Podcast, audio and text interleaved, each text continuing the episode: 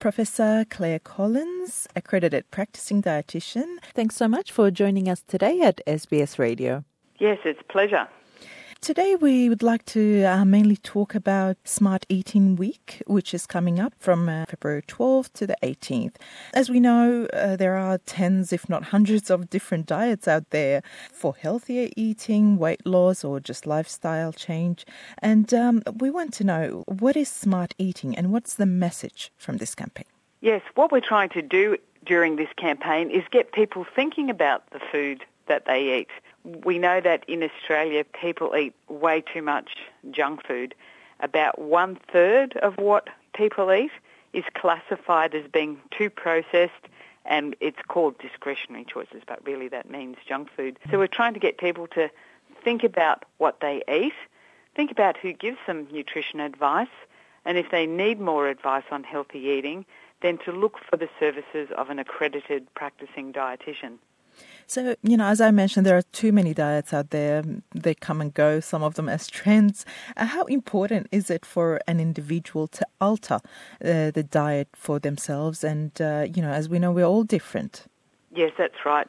Well, one of the things we know is that if your eating habits aren't right, then you end up consuming too many kilojoules.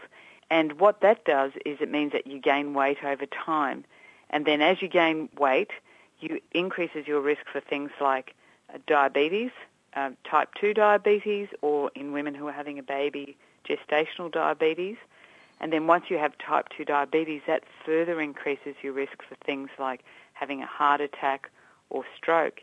And what people don't realise is that poor eating habits and then excess weight gain also actually increase your risk for some cancers, things like breast cancer after menopause, or um, colon cancer. So one of the challenges, though, is that the health benefit lasts a lifetime, but it's hard to remember that when you're busy and you know you need to get dinner on the table and feed everybody. So we suggest taking an approach where each week you try and perhaps make one of the meals you normally make, make it a bit healthier, or each week if you normally have a takeaway meal, you know, every Wednesday night or something, thinking about trying to cook a double batch on Tuesday so that dinner is is healthier on the Wednesday and it, and you can use leftovers. Mm. Also, another issue that probably we're all facing is, uh, uh, you know, people with families, kids eating healthier, and we know that uh, juvenile diabetes uh, and uh, you know other issues like even uh, childhood obesity is on the rise. So, how important is it getting kids into the habit of eating healthier or eating smarter? It's really, really healthy, and parents are the best role model, and grandparents as well. So making sure parents and grandparents all agree that trying to encourage the children to eat healthy food is important. It might seem like it's a treat, you know, to take them off and buy them fast food or give them lollies and chocolates, but it's doing more harm than good. First up for kids, it increases their risk of getting holes in their teeth and that's expensive to get that fixed. And the other key thing is that we know that kids are little copycats. So if they see mum and dad eating vegetables and fruit, then they end up eating more as well. I mean, most of the schools now have healthy eating programs at schools, you know, where you've got to take water and fruit, you know, crunch and sip and programs like That's that. Right, but yeah.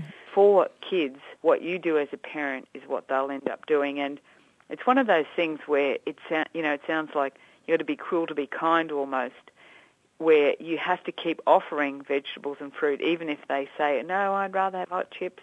It's really, really helpful to just to continue to offer it, ignore it when they when they complain essentially about the healthy food, because in time they learn to like what you like. And uh, one thing to reassure parents is that a child who's healthy, they won't starve themselves.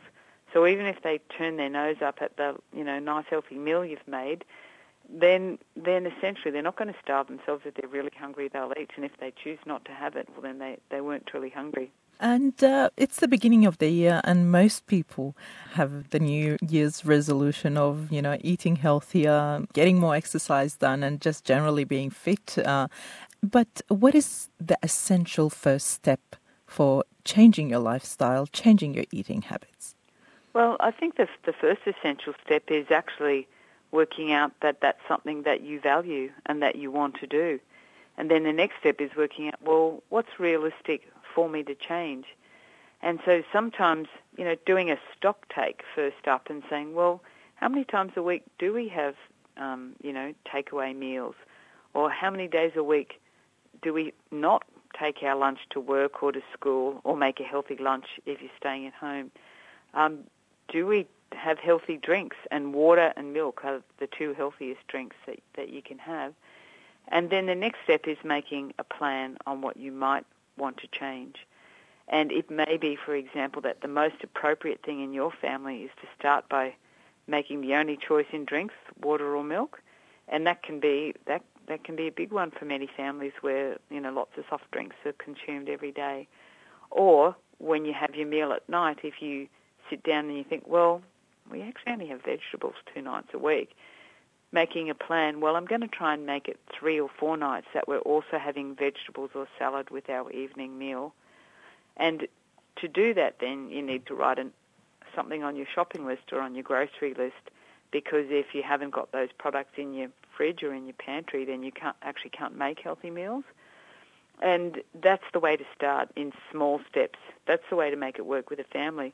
But the other thing we know is that sometimes people, for people, it is actually a big change or a big issue, and that's when if you go and have an appointment with an accredited practicing dietitian.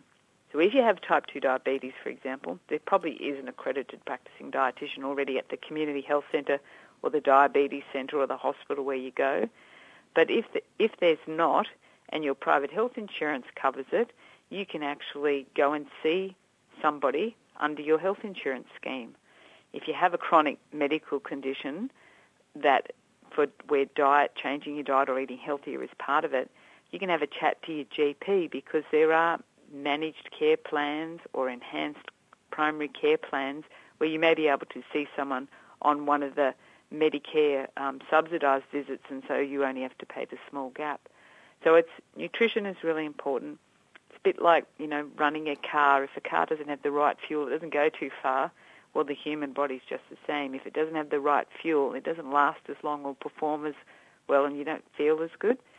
So having a chat to your doctor or at the community health centre or at the hospital if you've got a medical condition, how can you find an accredited practicing dietitian who can help you and make something tailored to the advice that you and your family need? I mean, you don't have to be you know, ill or have any of these diseases um, to see an accredited uh, practicing dietitian. Maybe uh, some people uh, look healthy, look fit, but then uh, they're probably still not eating right or choosing healthier options. So, what yeah, can people right. expect from visiting an accredited practicing dietitian? If you went and saw an accredited practicing dietitian, they'd very likely start off by asking you about your health and whether you have any medical conditions, mm-hmm. and then they'd interview you about the sorts of foods that you normally eat. They'd look at any if you came along with a referral from your doctor and it had blood test results, like it might have your cholesterol levels, um, it might have your blood pressure, it might have your um, diabetes measures, so glucose and insulin. And then they'd look at your eating habits and then work with you to come up with a plan that would suit your lifestyle factors, you know, whether you've got children, whether you have to be away for work a lot, whether you do shift work, and give you advice tailored to that. So, and they'd also take into consideration, like, you know, whether you have any um, conditions, say like celiac disease, for example, which means you can't eat certain grains. So then you'd go away with a plan, and based on that, they'd likely suggest you come back in, you know, a few weeks for a checkup, or again, it would depend on the conditions if it was under a Medicare uh, primary care plan or not.